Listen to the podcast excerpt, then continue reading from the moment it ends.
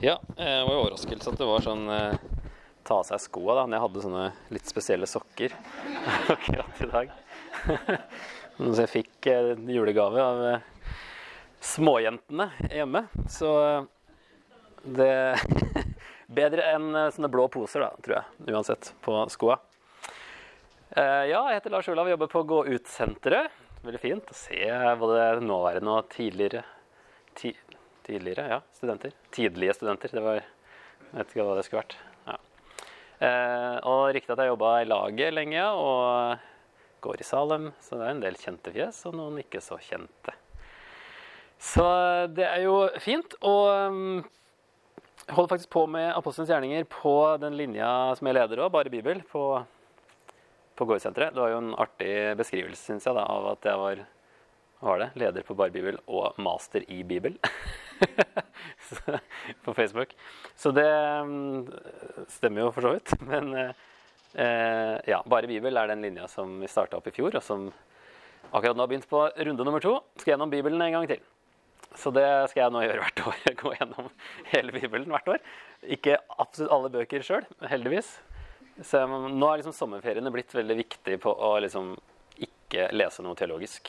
eh, ikke høre på teologisk podkast. Jeg må bare ta helt fri og prøve å resette, sånn at jeg orker det her i mange, mange år.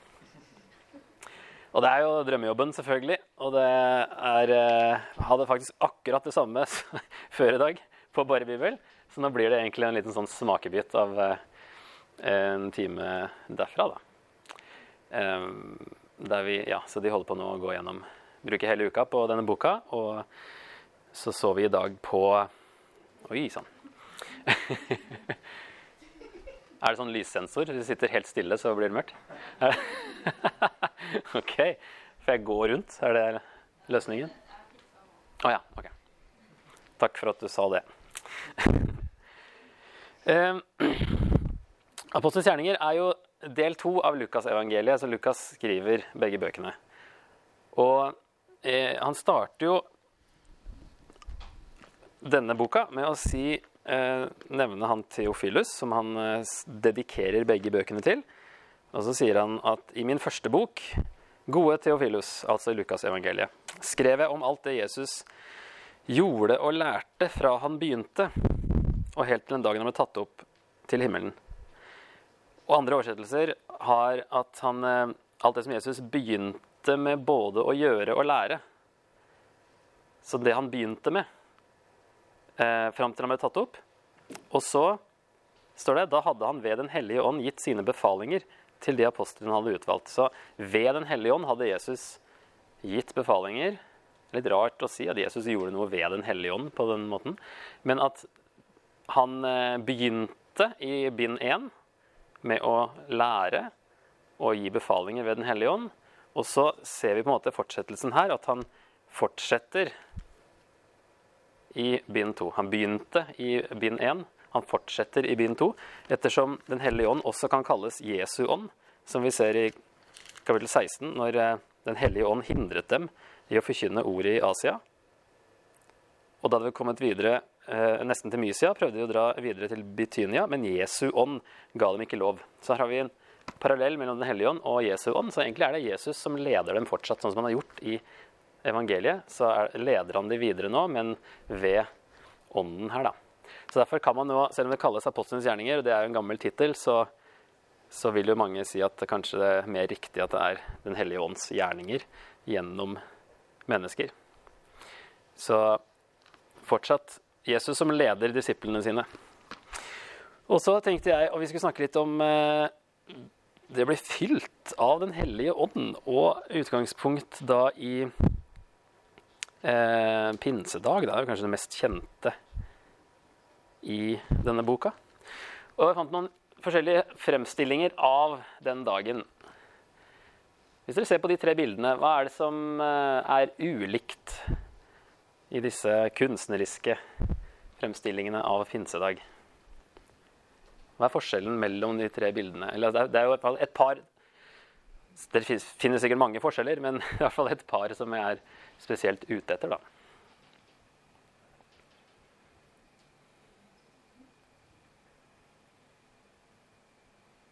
Ja. ja, det er jo én ting. Eh, det er ja, ene bare en enkel due med noen sånne englebabyer på skya. Eller så er det ja, så er det noen sånne små Kommer det sånne små ildtunger, dere ser det kanskje ikke. Mens her er det en kjempestor eh, et eller annet. Her eh, brenner det på han. Ja. Andre ting? Ser du noe mer?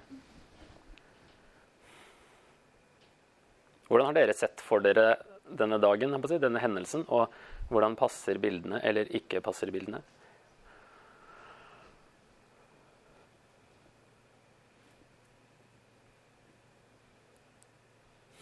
En Vanskelig oppgave, det her.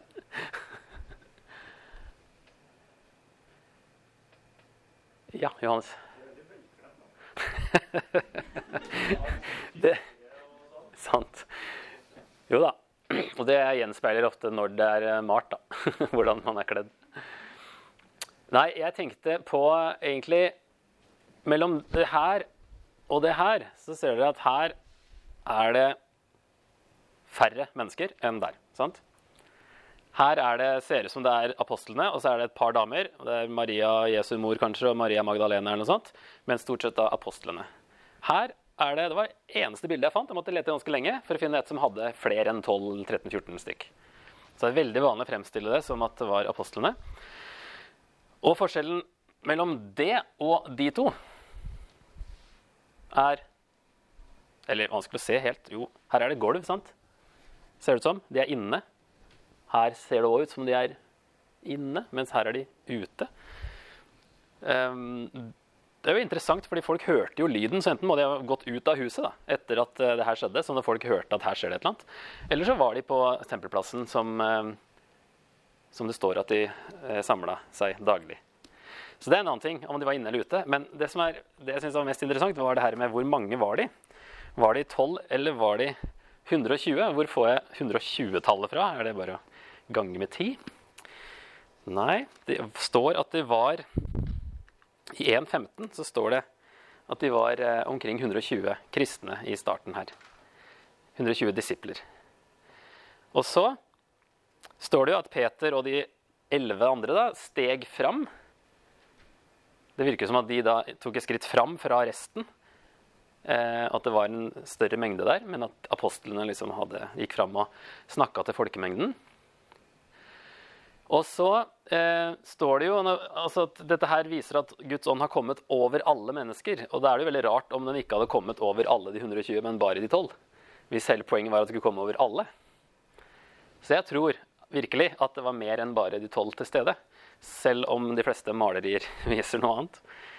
Men her var det alle disiplene som opplevde pinsedag. Annet spørsmål da, før vi eh, ser mer på eh, utover i boka hva det her har å si. Hvorfor tunger? Har du tenkt på det? Tunger som av ild? Hvorfor akkurat tunger?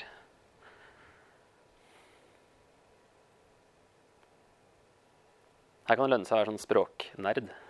Eller språkopptatt. Fordi um, ordet tunge på gresk er glossa. Og det betyr rett og slett uh, fysisk tunge eller språk. Og det gjør det på mange andre språk enn norsk. Vi har to forskjellige, men eh, mange språk har bare ett ord for tunga i munnen og språket som den tunga snakker. Og ordet for tungetale er faktisk akkurat det samme. Det er ikke et eget ord for tungetale, det er bare språk. Så det syns jeg i hvert fall er to veldig forskjellige ting. Tungetale og språk. og veldig forskjellige assosiasjoner til tungetale og språk. Men det er faktisk samme greia. Og så kan det her òg, det som skjer, kan òg være en slags eh, reparering av Første Mosebok 11, altså Babels tårn, og da det ble masse språk, og hedningen, eller folkeslagene, eh, ikke ville Altså, det er en slags dom som skjer der, fordi Gud ville de skulle fylle jorden og, og legge den under seg osv. Og, så og så samler de seg i stedet på ett sted og skal lage seg et tårn og skaffe seg et navn. Og så sprer Gud dem utover ved å forvirre eh, språkene. Og så er det tre uttrykk som, som, går igjen i begge to. Det er altså alle var samlet på ett sted. står det også i Babels tårn-episoden. Alle folkeslag var representert på en måte, og det var stor forvirring. De tre tingene står det om begge hendelsene. Så det er nok bevisst litt sånn linker mellom de to. da. Så da viser jo det her, det som skjer, at det at evangeliet faktisk eh, forkynnes nå på, på alle, folkers, eh, alle, språkene som var representert i Jerusalem da, eh, viser jo at Gud snakker alle språk. Gud, evangeliet er for alle mennesker. og at nasjonene, alle folkeslagene som på en måte hadde blitt spredt litt ut av fokus da, i første Mosebok 12 eller 11, de kan nå komme tilbake. Så det er jo noe som er veldig viktig i både Lukas evangeliet og i Apostlenes gjerninger, det temaet der. Og pinsedag eh, Nå skal ikke jeg lese hele kapittelet. Eh, heller ta en rask oppsummering, men eh, håper at det er kjent, eh, det som skjer. Det er et ganske langt kapittel. Og det er egentlig ikke bare det vi skal snakke om. Men det, i korte trekk da, så er jo det at Den hellige ånd kommer over alle, til forskjell fra i Gammeltestamentet, så var Den hellige ånd da forbeholdt ledere. Eh, profeter og prester. Det var ikke for alle. Det var for, for eh, ja, lederne og de som var liksom eh, jobba for Gud, på en måte. Det som skjer nå, er at det kommer over alle mennesker. Og det er Joel da, som eh, har sagt at det skulle skje en dag. Profeten Joel. Og så sier eh, eh Altså når Peter siterer det her, så eh, han sier at det her er en oppfyllelse av, av, profetien til Joel om at i de siste dager skal det skje, sier Gud, at jeg øser ut min ånd over alle mennesker. Så det viser at eh, ånden nå er tilgjengelig for alle mennesker, og det viser også at de siste tider er begynt. Um, også fordi han tar med det som ennå ikke har skjedd da, uh, fra denne profetien, når det står om blod og ild og røykskyer, og sola skal forvandles til mørke og månen til blod, herrens, før, før, Herrens dag kommer. Så det er noe som Joel og alle profetene i GT de så liksom bare Messias som én hendelse. Og så siterer um, Peter alt det her på denne samme dagen. Men det viser at nå har de siste tider begynt. Det begynte med Jesus. Det har vart en stund. Og så er det ikke alt som har skjedd eh, i denne perioden, men det har begynt nå. For nå har ånden kommet over alle mennesker. Det skulle skje i de siste tider da Gud skulle øse ut. Brukes ofte sånne vannord. Eh, å øse ut og, og sånt, så det er jo en sammenheng der mellom, mellom eh, vann og ånd i Bibelen. Ok, Så kommer vi til kapittel fire. Og der, eller kapittel tre, så helbreder de en eh, lam mann. Var et lam helt fra mors liv, står det. Og så blir det en rettssak etter det, i kapittel fire, der de eh, ikke får lov til å snakke om dette her og gjøre sånne ting. Men eh, det bryr de seg ikke så mye om, da. Men når de kommer etter at de har vært løslatt, står det, eh, så gikk de til sine egne og fortalte hva overpresten og de eldste hadde sagt. Og så begynner alle sammen å be. Og så står det på, det som skjer da. Um, de ble fylt med Den hellige ånd, står det der og talte Guds ord med frimodighet. De ber om frimodighet, og så får de frimodighet. Og her ser vi at Lukas har Han sier det her på eh, akkurat samme måte, egentlig. Eh, nå har jeg satt det sånn mer direkte oversatt. 2.4, altså pinsedag, og 4.31. Og de ble fylt. Det er jo helt likt. Så kommer ordet 'alle'. Det er helt likt. Av Helligånd og av Den hellige ånd. Det er ganske likt. Det var sånn forskjellig skrivemåte med, med eller uten bestemt artikkel. De begynte å tale. Det er veldig likt som eh, å talte. Og så er største forskjellen er da med andre tunger, altså andre språk, i kapittel 2. Men her var det Guds ord med frimodighet. Så her er det en Ja, først skal jeg spørre hvem ble fylt nå? Og da var det jo at Peter og Johannes gikk tilbake til sine egne. Og så blir alle fylt, står det. De ble alle fylt av Den hellige ånd. Så det er jo høres ut som samme gruppe som i kapittel 2. Igjen. Det sies på akkurat, parallell måte. Det er Peter og Johannes som går tilbake. Når vi så at det var ikke bare apostlene som, som fikk oppleve pinsedag, det var alle sammen da også. Og så skjer det på en måte en ny pinsedag-opplevelse her i kapittel 4, når alle sammen en gang til blir fylt av eh, Den hellige ånd. Men nå er det et annet eh, resultat. En klar parallell i hvert fall til pinsedag. Men denne gangen talte de ikke i tunger. Det var ikke tungetallet de trengte nå. De ba om frimodighet, og de fikk frimodighet. Det er liksom ikke alltid løsningen med tungetale i Bibelen. Her var det frimodighet. På pinsedag så var tungetale veldig effektivt. På, I kapittel 4 så var det jo liksom, Nå begynte myndighetene å gripe inn og fengsle dem og piske dem, og sånne ting, så nå, nå trengte de mer frimodighet. Og så står det jo senere i 1352 at disiplene ble egentlig stadig fylt av glede og Den hellige ånd.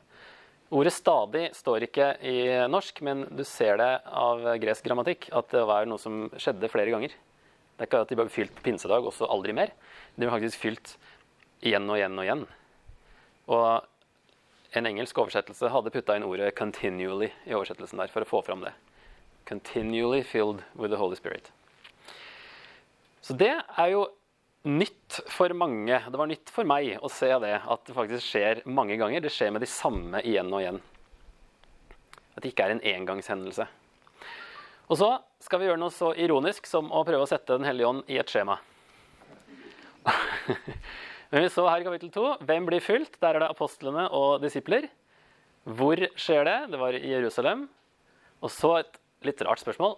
Er det før eller etter frelse? Og var det før eller etter dåp, altså vanndåp? Vi vet i hvert fall at det var etter frelse. Det står ikke noe om at disiplene ble døpt, men de har i hvert fall kommet til tro på Jesus. da. Det vet vi. Så litt sånn rart spørsmål, men vi skal se at det blir litt interessant etter hvert. Hvordan skjer det? De var bare samla. De venta jo på det. De visste at det skulle skje. Jesus hadde lovt det, men det står ikke akkurat hva de gjorde for at dette skulle skje. Men de var samla som menighet. Så var det en lyd av vind og ildtunger da, som kommer og setter seg på hver enkelt av dem. Og resultatet er de taler på andre språk. De får også større frimodighet. Også på sikt, da, etter talen til Peter, når han forklarer det her, så blir 3000 lagt til menigheten. Så det er jo et ganske bra resultat. Og I kapittel 4 så er det Peter Johannes og andre disipler, sannsynligvis i stor grad overlappende gruppe med kapittel 2. Fortsatt i Jerusalem, fortsatt etter frelse. Hvordan skjer det her? Det står bare da de hadde bedt, så eh, skalv stedet, og så ble de alle fylt. Så det kommer da etter at de har bedt der. Resultatet her er at de taler Guds ord med frimodighet. Så går vi til kapittel 8. Da er det Philip som er i Samaria. Og eh,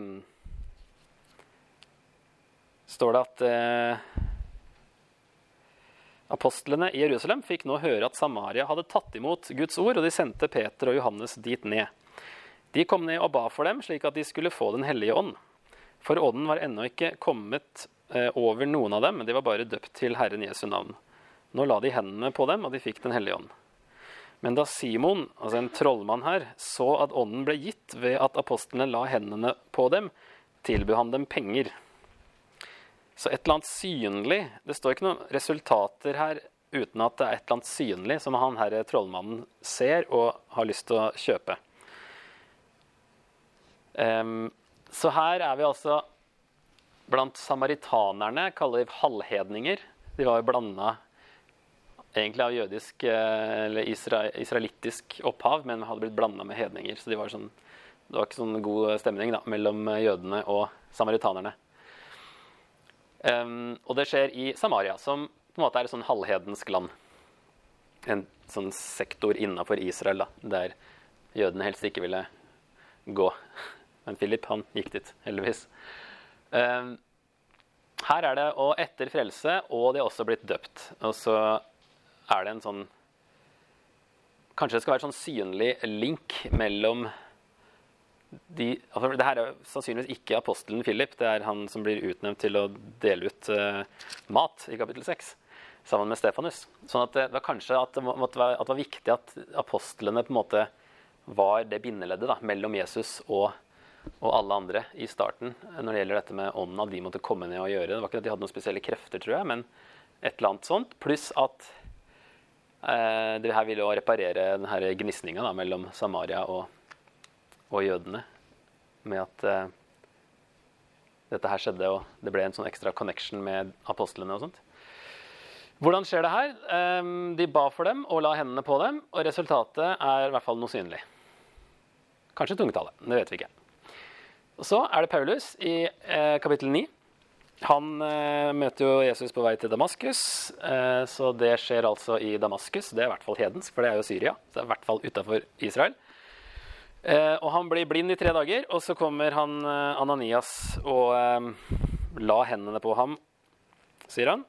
Så står det straks var det som om skjell falt fra øynene hans, og han kunne se. Han sto opp og ble døpt. Så spiste han og kom til krefter.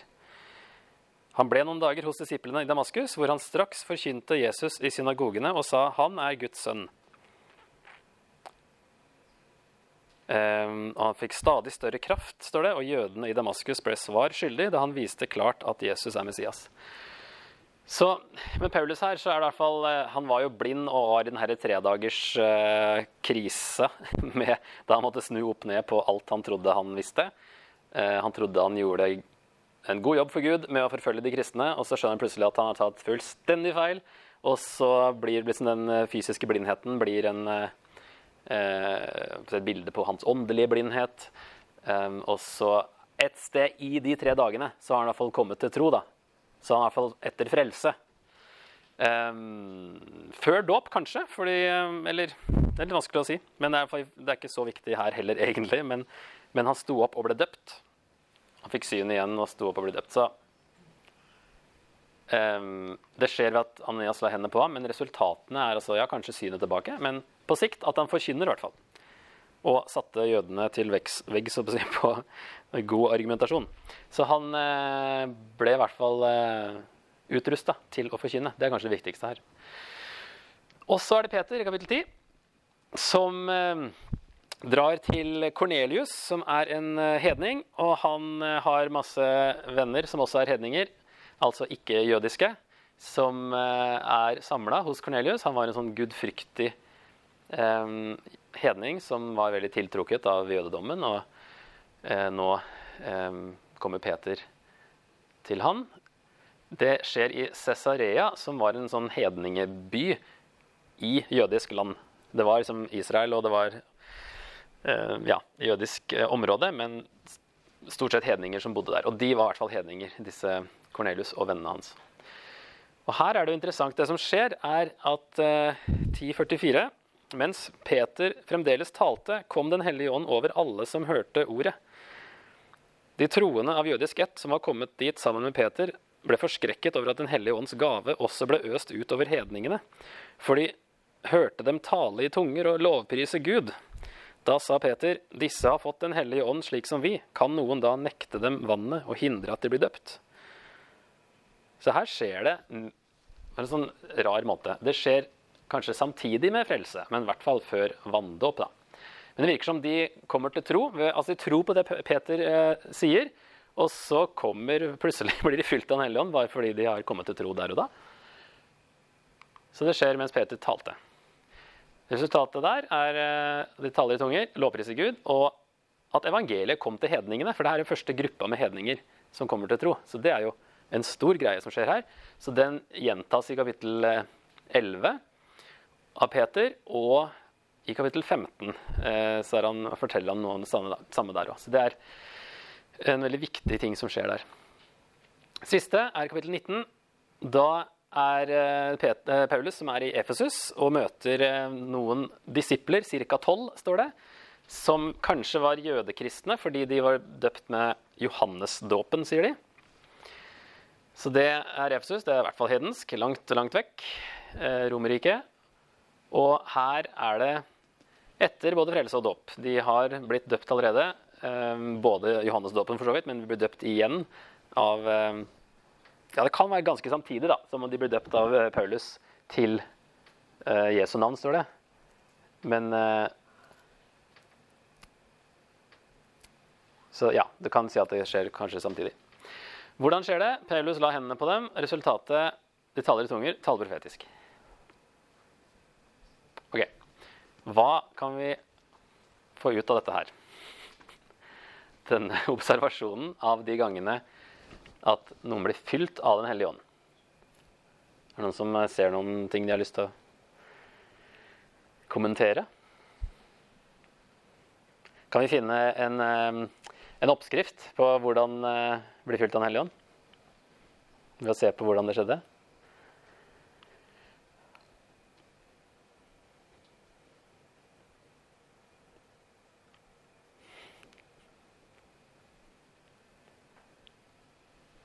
Jeg tror vi ser at det ikke er noen oppskrift.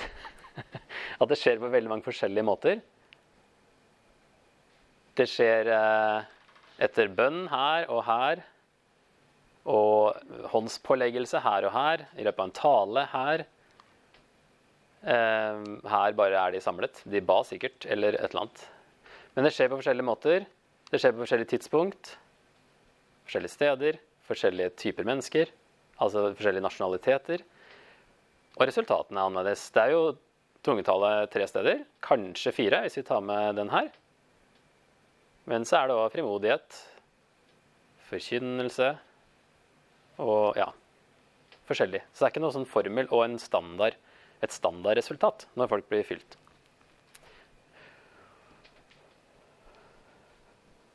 Så her kommer da noen konklusjoner, skråstrek, påstander. Ja. Ja, absolutt. Det er sant. Og det er en veldig fin rød tråd. At det, det er jo det boka handler om også. Mm, sant. Bra observert, det. Nå skal jeg i hvert fall prøve da, å basere mine påstander på Bibelen, men det er lov å være uenig. men Den hellige ånd følger ingen tydelige regler, tror jeg vi kan se. Og i Johannes 3 så sier Jesus òg at uh, ånden er som vinden. Du vet ikke hvor den farer, og den suser rundt. Og det er jo et ordspill, fordi ånd og vind er samme ordet. Um, så tror jeg også at poenget med disse tungetalehendelsene er å vise at ånden ikke begrenses av nasjonalitet eller geografi. Hvis du ser på de tre-fire, hvis vi tar med den i Samaria, så er det forskjellig enten nasjonalitet eller geografi, eller en kombinasjon av de to. Så er det eh, forskjellig i hvert tilfelle. Kapittel 2 så er det jøder i Israel. Kapittel 8 er det samaritanere i Samaria. da. Kapittel 10 så er det hedninger i Israel. Og kapittel 19 så er det noen disipler. Det er ikke så viktig hva de var, tydeligvis, om det var jøder eller hedninger, men de er utenfor Israel. Så i hver tilfelle så er det et nytt sted eller et nytt folk, kan du si. da. Eller ny, samme folket på et nytt sted. Så jeg tror det betyr at åndens komme Det at Den hellige ånd nå har kommet altså I kapittel to her så, så, kommer Den hellige ånd og eh, markerer noe nytt for alle disse ulike gruppene. De blir fylt på samme måte uansett hvem de er og hvor de er. Derfor er det tungetale i de her hendelsene for å vise at dette er det samme som skjer. Men nå skjer det med med ja, samaritanere, hvis det var i hvert fall det som skjedde. ikke helt tydelig. Men nå skjer det med hedninger i Israel. Nå skjer det med noen utenfor Israel. At det, at det er en sammenheng. Det er det samme som skjer. At åndens tid hadde begynt, og at ånden ble spredt til ulike grupper. Apostelens gjerninger gir ikke inntrykk av at alle som tror, taler i tunger. Det nevnes bare spesifikt i tre hendelser. Kapittel 2, 10 og 19. Og det er veldig mange mennesker som blir frelst uten at tungetallet nevnes. Det er jo tusenvis som kommer til tro uten at det nevnes noe sånt. Bare tre ganger, faktisk. Jeg vet ikke om det er overraskende at det ikke nevnes mer. For man har av, Mange har inntrykk av at det er liksom den store greia i Apostelens gjerninger. I hvert fall en av de store greiene.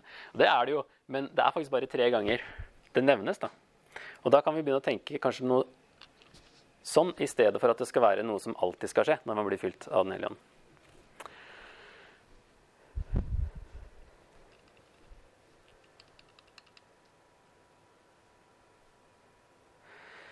Vi kan gå videre med flere påstander.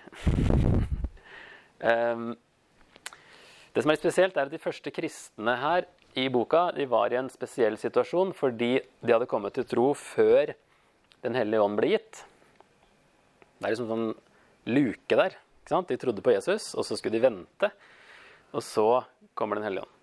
Så derfor kan da frelse skilles fra å ha fått Den hellige ånd, som vi så kanskje, ja, f.eks. i kapittel 19 der med de som var allerede kommet til tro, um, og så får de det som en sånn senere opplevelse, da, og det blir fylt av Den hellige ånd. Men nå er ånden tilgjengelig for alle, uavhengig av nasjonalitet og geografi. Og alle som tror, får, får ånden i det øyeblikk han eller hun kommer til tro, som det er mange bibelvers som sier. At eh, det går ikke an å være en kristen uten å ha Guds ånd. Så det kan vi ikke skille fra hverandre. Og det, jeg vet ikke om vi skal si at de var uten Den hellige ånd, de disiplene heller, men de ble i hvert fall fylt på en ny måte da, i kapittel 2.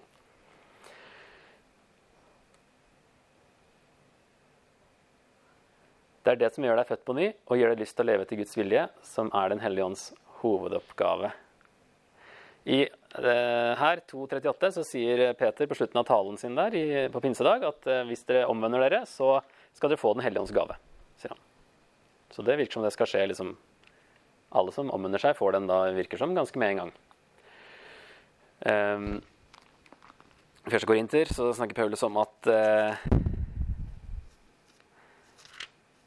Han snakker om mye der. Dette verset der. 12-13. Uh, For med én ånd ble vi alle døpt til å være én kropp. Han snakker om det som ofte kalles for åndsdåp, da. men han snakker om det som at alle som tror, er blitt åndsdøpt. Alle som tror, har fått Den hellige ånd fordi man tror. I eh, siste her, 1.13, så sier han at eh, eh, dere fikk Den hellige ånd da dere kom til tro. Og det sier han også i 4.30. Så det er ganske sånn tydelig at eh, det har vi alle, alle vi som tror.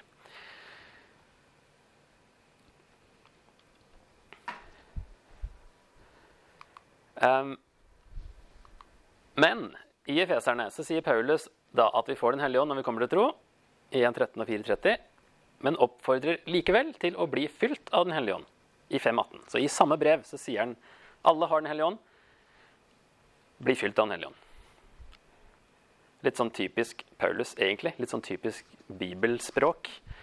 Dere er hellige, lev derfor hellig. Dere er lys, lev da som lys. Dere har Den hellige ånd. Bli fylt av Den hellige ånd, da. Så én grøft er å tenke at man blir fylt en gang for alle. Den andre grøfta er å ikke tenke på dette i det hele tatt. Og ikke ta det på alvor. Det her blir fylt av Den hellige ånd. Disiplene ble stadig fylt av Den hellige ånd, og vi burde også bli det. Målet er ikke å tale i tunger, og det snakker han òg i 1. Korinter 12 om. At uh, taler vel alle i tunger? Har vel alle gaven til å helbrede? Og så kan du faktisk på gresk se at han forventer et nei. Fordi han bruker forskjellige ord i spørsmål.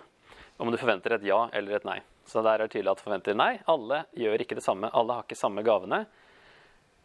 Um, noen får den gaven, noen får den gaven, sier han tidligere i vers 10 der. Så målet er å få kraft til å være Jesu vitner, som Jesus sier i starten, og som er på en måte nøkkelverset. Husker dere det? Dere som gikk i fjor? Nøkkelverset i boka her er 1,8. Eh, Der Jesus sier at de skal vente, og de skal få kraft når Den hellige ånd kommer over dere. Og dere skal være mine vitner i Jerusalem og hele Judea, i Samaria og helt til jordens ende. Dere skal få kraft når Den hellige ånd kommer over dere, og dere skal være mine vitner. Så det er jo eh, det som er målet, og ikke nødvendigvis akkurat tungetale, da. Um,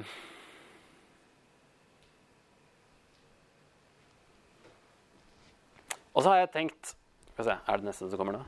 Ja. Jeg har ofte lurt på, Når folk har snakka om liksom, bli fylt Den hellige ånd, og la, la, la, så har jeg nesten hver gang tenkt ja, hvordan blir man det, da? Kan ikke noen forklare det? Hvordan man gjør det? Nå har vi jo sett at det er ikke så lett å se hvordan, at det er noe mønster i det. Eh, så hvordan kan vi ah, Hang den seg opp? Der, ja. Ok. Hvordan bli fylt av ånden når han ikke følger noen regler? Hvordan er det mulig? um, ja, litt svart der. Uh, Bibelen gir altså ingen fast fremgangsmåte eller oppskrift, men kanskje den hinter om noen generelle sannheter, og noen egentlig veldig generelle sannheter. Um, det vi nok med sikkerhet kan si, da, i hvert fall så sier Paulus i Romerne 8,5 at vi skal være opptatt av det som hører ånden til. Um, og hvis vi prøver å finne ut hva det er, så virker det som det i hvert fall er ja, kanskje først og fremst evangeliet. da. Jesus sier i Johannes 6, 63 at uh, mine ord er ånd og liv. Så er, ånden er i ordene til Jesus. Det er i evangeliet. Paulus sier at hele Bibelen er innblåst av Gud. Også den her eh, samme sammenhengen mellom pust og ånd. Gud har blåst inn i Bibelen. Gud har blåst sin ånd inn i Bibelen. Og hva det har Altså det å være opptatt av det som hører ånden til, er også da å tenke over hva har dette å si for hvordan vi lever. I Galaterne 5 sier Paulus 'lev da i ånden'. Vandre i ånden. Så det er en sånn grunnleggende holdning, kanskje. Være opptatt av det som hører ånden til. Eh, fokusere på Guds ting, da. Og ikke minst da så kan vi be om det. Det står det i Lukas i bind 1 da, at eh, når dere som er onde, vet å gi gode gaver til barna deres, hvor mye mer vil ikke Gud da gi Den hellige ånd til den som ber han? Så det er den gode gaven som Gud vil gi til den som ber. Og så står det i Samaria her at de eh, ba om De ba for dem, at de skulle bli fylt av Den hellige ånd. Og som sagt, det trenger ikke å manifestere seg på noen spesiell måte. At man blir fylt. Det kan være, bare, det kan være frimodighet, det kan være kreativitet. Det kan være veldig mye forskjellig. Det trenger ikke være noe overnaturlig. Men det er noe som De blir stadig fylt i boka her, og vi eh, kalles til å gjøre det samme. Så det er viktig da, å bare si det, at det viktigste kjennetegnet på at man er fylt av ånden, er ikke overnaturlige opplevelser, men åndens frukt, som Paulus ramser opp i Galaterne 5. Og det er personlighetstrekk, nesten, mer. Glede, fred, tålmodighet, overbærenhet, sånne ting. Det er åndens frukt. Ikke overnaturlige ting som eh, mirakler og, og sånt. Men kan, plutselig så er det det som trengs, og da er det det som skjer. Men det er ikke alltid det som trengs. OK. Da kan egentlig da alt det her eh, kokes ned i Hvis vi skal ta det her inn i eh, hva betyr dette her for oss, skal dere få lov å tenke litt på det. Hvordan kan Den hellige ånd hjelpe deg til å være et vitne for Jesus? Hva trenger du? Vi har litt tid til det, har vi ikke det? Fem minutter. Prøve å fordøye denne monologen. Snakk med en som sitter i nærheten. Er det lov? snakk, med en, snakk med litt avstand. Det er en kohort der i hvert fall. Dere er tett. Ja. Så, um, men eh, prøv å fordøye det her, og hva, hva er det vi trenger nå? Gud vet det bedre enn oss, men eh, kanskje vi har en tanke om hva vi trenger. Noe som kanskje hindrer oss, om det er frimodighet eller om det er andre ting. Um, hvordan kan vi være vitner? Det er jo det som er poenget i boka. De får kraft til å være vitner. Hvordan kan vi være det? Ok, Så tar vi fem minutter og snakker litt om det. Vær så god.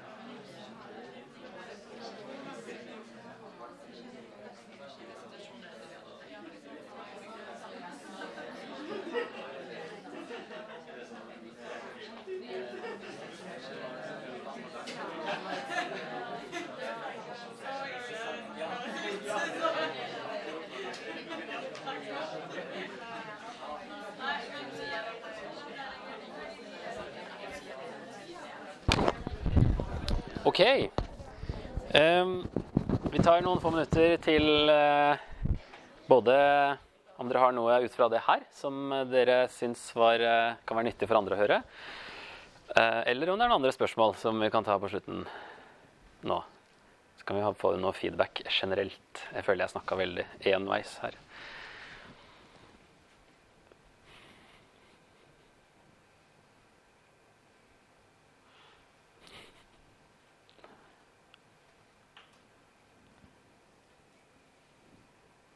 Vær så god. Jeg hoppa litt inn i eh, Jeg er tilføringsvikar for tida Ja. eh, i en barnehage. Så jeg hoppa litt hit når jeg leste det. Eh, og da tenkte jeg litt på det her med å prøve å se de an andre ansatte i den barnehagen og eh, Mhm. spørre litt hvordan det går ellers. Eh, følge opp hvis noen har sagt noe om hva de skal i helga. Bare sånne enkle ting Sant. som Ja. kan vise omsorg og Ja. vise at man ser og husker. Ja. husker hverandre. Ja. Og det Jeg tror vi bare, bare gjør det, så vil du skille deg ut i eh, et norsk samfunn. I bare å stille spørsmål og spørre tilbake når du har spurt om noe sjøl. Ja, hva med deg? så er det sånn eh, Husker det jeg òg, noen ganger. At bare Ja. Og det er vanlig høflighet, men at folk legger merke til det. Mm. Ja, så det kan være såpass konkret, eh, såpass konkret som det at eh, å få en eh, iver og ja, kjærlighet for mennesker og bare en interesse for folk som kan føre til noen gode samtaler og få folk nærmere. Mm. Bra. Andre? Ja? Malin? Ja, dette kom jeg på noen ting fra i fjor. Ja. eh, som vi pratet om. Eh, og da, jeg synes at det var eh, så viktig eh, at eh, man setter av tid til å virkelig liksom se mennesker. Og når man kommer inn i samtalen, man er ikke liksom bare sånn kjapt inn, kjapt ut, men Mhm. har tid til å spørre hvordan går det med det virkelig. Og så har tid til å se og høre respons. Eh, at man prøver Ja. liksom ikke bare være sånn Vær kjapt inn og ut, men liksom se hverandre. Mm. Og bry seg om hverandre. Og bare være det lille ekstra. Mm, sant. betyr alt for den personen. Ja. Men det kan sette seg så utrolig dypt. Ja, absolutt. Ja. Ja. Malin gikk på Barbibel i fjor, og eh, jeg brukte et sitat av deg faktisk nå i forrige uke. Når vi hadde gått gjennom og quote litt, vet du. Men det du sa etter Lukasevangeliet, at eh, Jesus satte seg ned der andre så ned, det var så bra sagt. Så det la jeg inn i presentasjonen. Altså vi kan, hvis vi kan gjøre det samme, de som er sett ned på, da, og som folk ikke bryr seg om. Ja, for det er så enkelt. Ja. ja. Ja. Ja, sant. En til? Eventuelle spørsmål etterpå?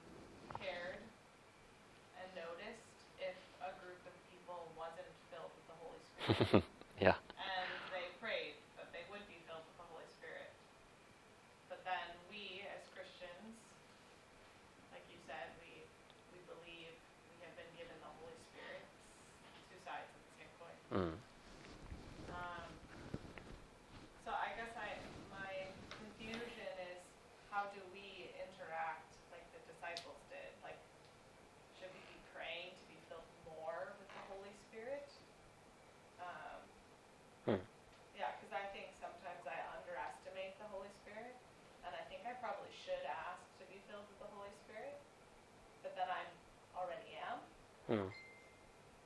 Yeah, what are your what are your thoughts on that? Well, I, I just think we have to. Um, well, the Bible says that like, we have the Spirit, but we can be filled with the Spirit. I don't know how it works, but that we're asked to to pray about it and to think about it. I think, and um, yeah, yeah, just to pray, yeah, for a refill or whatever is needed. I, it's hard to picture like, you know, like how full are you and what's what's causing it to drain, you know. But I'm thinking if you're uh, connecting with God, you know, you're walking in the Spirit, you you would keep it more full than if you were not. But I think we can still ask to be filled more, and maybe for specific situations. And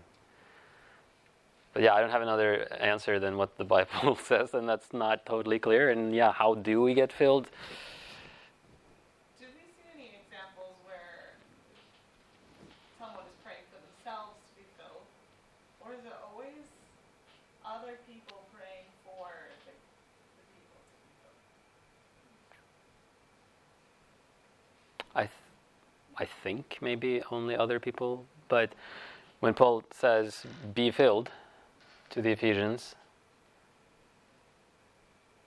seems like you could not totally pray on your own also to be filled. Yeah. But examples, yeah, maybe not actually. But it's not that self-centered either in the Bible. It's very communal and not uh, private.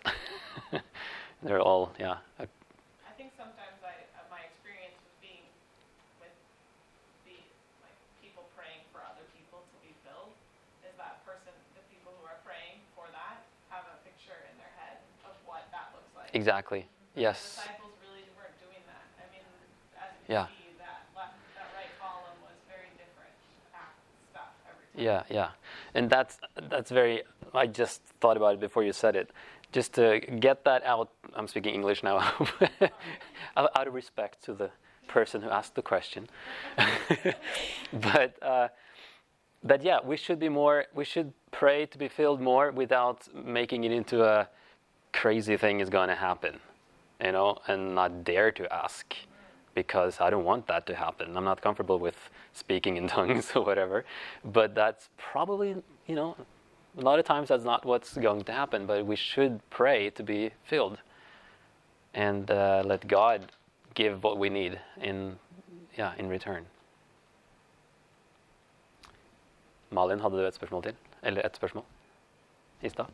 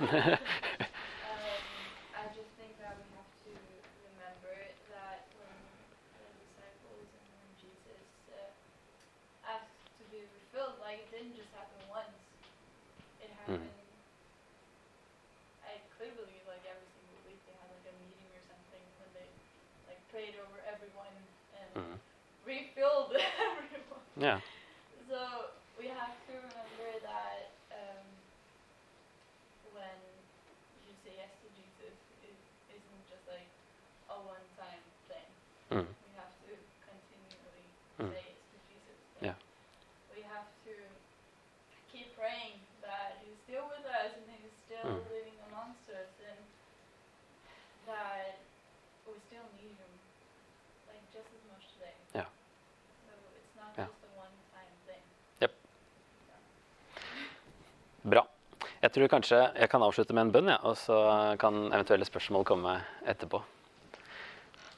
Det passer jo å be litt nå. Takk, eh, Jesus, for at du er med oss eh, også. At din ånd bor i oss, og både individuelt og kollektivt som menighet. eh, Og at du leder oss og har lyst til å lede oss, og at du vil gi oss det vi trenger, fylle oss med det vi trenger for å være dine vitner.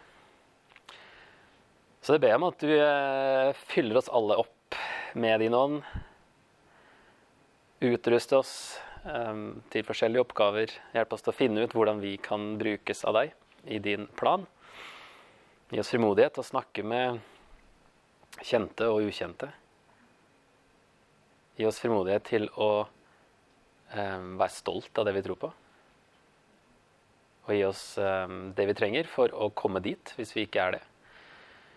Hjelp oss til å være åpne for å bli leda. Hjelp oss til å følge deg som disipler i denne verden.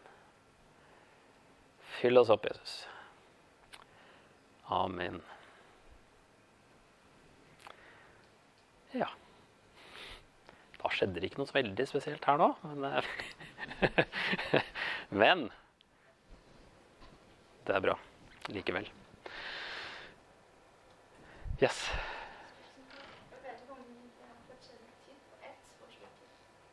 Ja, det er egentlig du som styrer eh, tida, så det jeg Ja. Ja. Eh, Det er også i forbindelse med eh, Tinas spørsmål, men Mhm. så tenker jeg om eh, den tunge tale. Ja. Selv om det ikke er nødvendig at man kan, kan det, men Mm. Er opptatt av det. Mhm. Men så for meg også, jeg skjønner også det er også mange som er litt redd for Ja. det. Ja. Så vi tar litt avstand. Mm. Men samtidig så er det også så fint i følge Bibelen at det er så fint at vi kan det. Mm. Men ja, hva skal vi gjøre? Skal vi be om det? Eller hvis vi føler at det- er så ubehagelig at Mm. det er greit å, å si nei. Mm. Ja, jeg tror i hvert fall ikke det er noe tegn på at man eh, er noe elitekristen eller ikke. At det er forskjell der. Så jeg tror ikke Gud heller Ja ja, jeg vet ikke hva Gud gjør alltid, jeg. Men, eh, men det hvis man er ordentlig skeptisk og redd, så ja, selvfølgelig. Kanskje det hjelper å plutselig eh, at det skjer med deg, og at det ikke var så skummelt. Eller at da, da skjer ikke det, fordi du syns at det er merkelig. Og at det ikke er noe tegn på at du er fylt av ånden. Det er åndens frukt som er det viktigste tegnet. Mm. Så, men ja, det er blitt en sånn greie som enten fokuseres masse på, og som gjør mange ukomfortable. Um, og så er det andre som Ja, de som blir ukomfortable, de fokuserer veldig lite på det. Og det er jo forståelig, da. Det er blitt en litt sånn vanskelig sak. Så Derfor jeg tenkte det er nyttig å se på det litt i kontekst av boka, så vi får liksom roa det litt ned. ja, i hvert fall vært viktig for meg å, å gjøre det. Mm. Tusen takk. Bare hyggelig. Ja. Hyggelig å være her. Håper at du kommer, kommer tilbake flere ganger. Ja, det er jo veldig i nærheten. I hvert fall når jeg har undervist det samme før i dag, så er det veldig lett. Tale siden på deg, så- Nei, ja, det er fint å komme seg litt ut. Ja. Takk, takk.